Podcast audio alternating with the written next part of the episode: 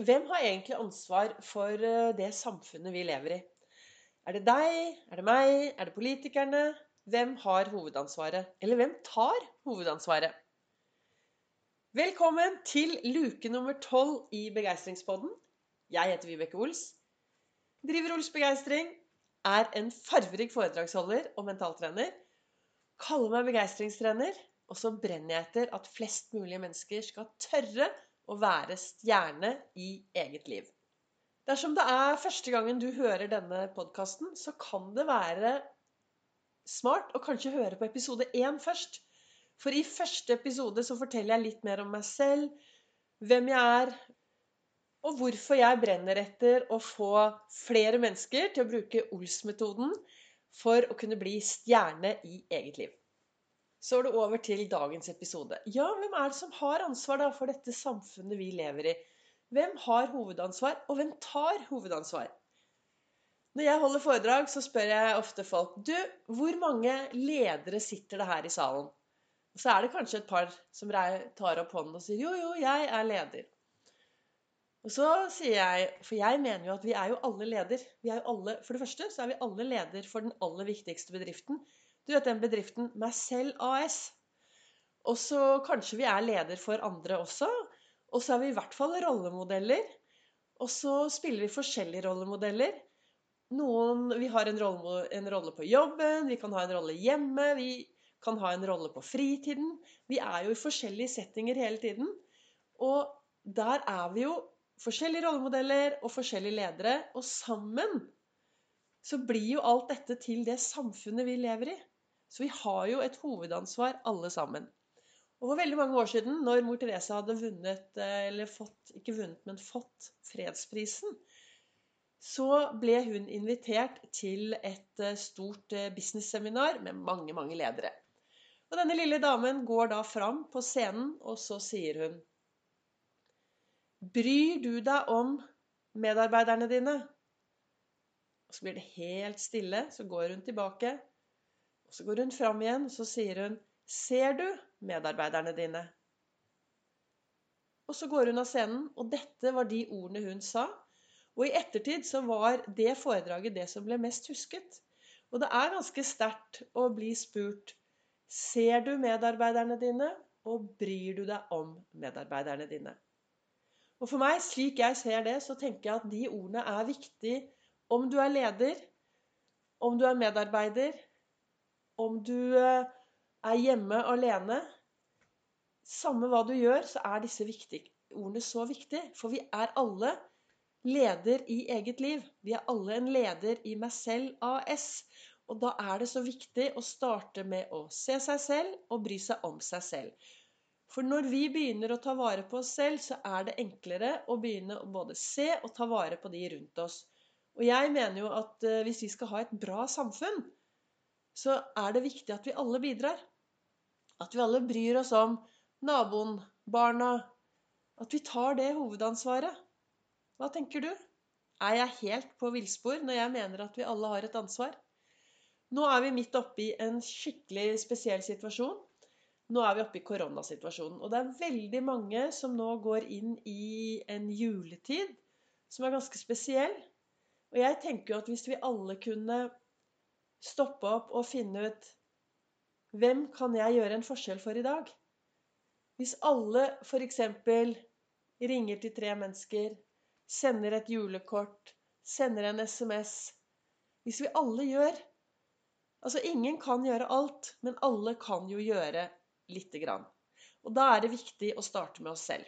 Og hva er det jeg vil med dagens episode? Jo, jeg ønsker at du skal bli litt mer bevisst på hvordan du bryr deg om de menneskene du ser, og hvordan du ser de menneskene du ser. For tre år siden så ble jeg kjent med Mona. Hun satt på første rad på foredraget mitt og var helt uenig i noe av det jeg sa. Og det ble starten på et veldig godt vennskap. Det ble også starten på at jeg kom inn i et helt annet miljø enn jeg noen gang har vært før. Og jeg er altså så takknemlig for det jeg har fått lov til å bidra. I tre år har jeg fått lov til å bidra på rusfeltet, jeg har kommet meg inn innen psykisk helse. Og jeg har fått lov til å gjøre en forskjell for mange mennesker, og jeg har blitt mye, mye klokere i møte med alle disse menneskene. Jeg har nok alltid vært et raust menneske, men i dag så er jeg mye, mye mindre dømmende enn hva jeg var før. Og når jeg møter mennesker eller hører historier, så tenker jeg alltid det er en bakenforliggende årsak. Det er ikke min greie å dømme de menneskene som har gjort sånn og sånn. Det er noen andre som kan dømme de. Jeg håper bare at jeg kan være et eh, godt medmenneske i, i de magiske menneskemøtene jeg har. Jeg brenner jo for magiske menneskemøter med begeistrende kvalitet i gjerningsøyeblikket. Og nå er vi på vei inn i julen. Mange mennesker har eh, Det er ganske spesielt for, eh, for mange av oss. Det blir en spesiell jul. Det er mange som sitter alene. Og da tenker jeg hvis vi sammen skal gjøre dette til et bra samfunn, hvordan kan du bry deg, og hvordan kan du se de menneskene du har rundt deg? Hvem har du tenkt å gjøre en forskjell for denne julen? Jeg har kjent på Det har vært et veldig spesielt år for meg fordi jeg har mistet mye av jobben. Det har vært veldig mye som har eh, skjedd.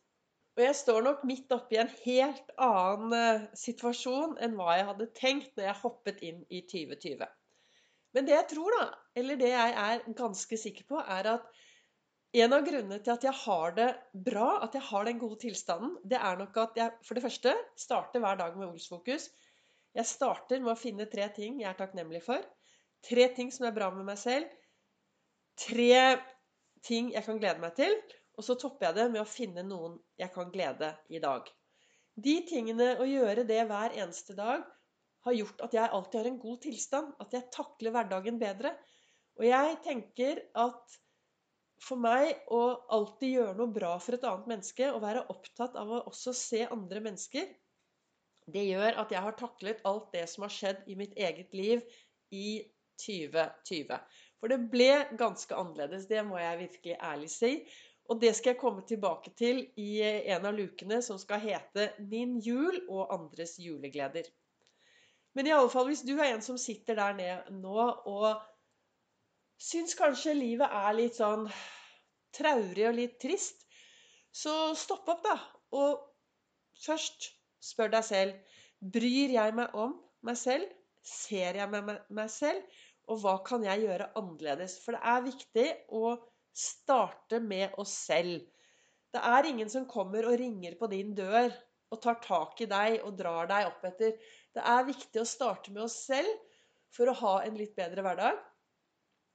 Deretter er det viktig å gå ut og være en nabokjerring eller nabomannen. Jeg er veldig opptatt av at vi skal bry oss med de vi har rundt oss.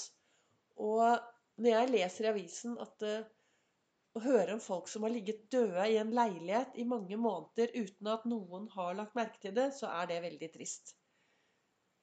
Så det jeg vil frem til med dagens episode Hva har det med Ols-metoden å gjøre?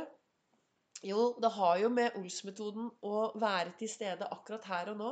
Og hvis du er til stede akkurat her og nå, når du går ut i den store verden, så se de menneskene du har rundt deg, og bry deg om dem.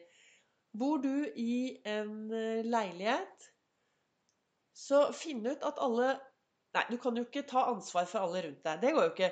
Men det er lov å ringe på døren, si en hei, ønske god jul. Gjøre den lille forskjellen, da. Bor du i et hus, så har du sikkert noen naboer.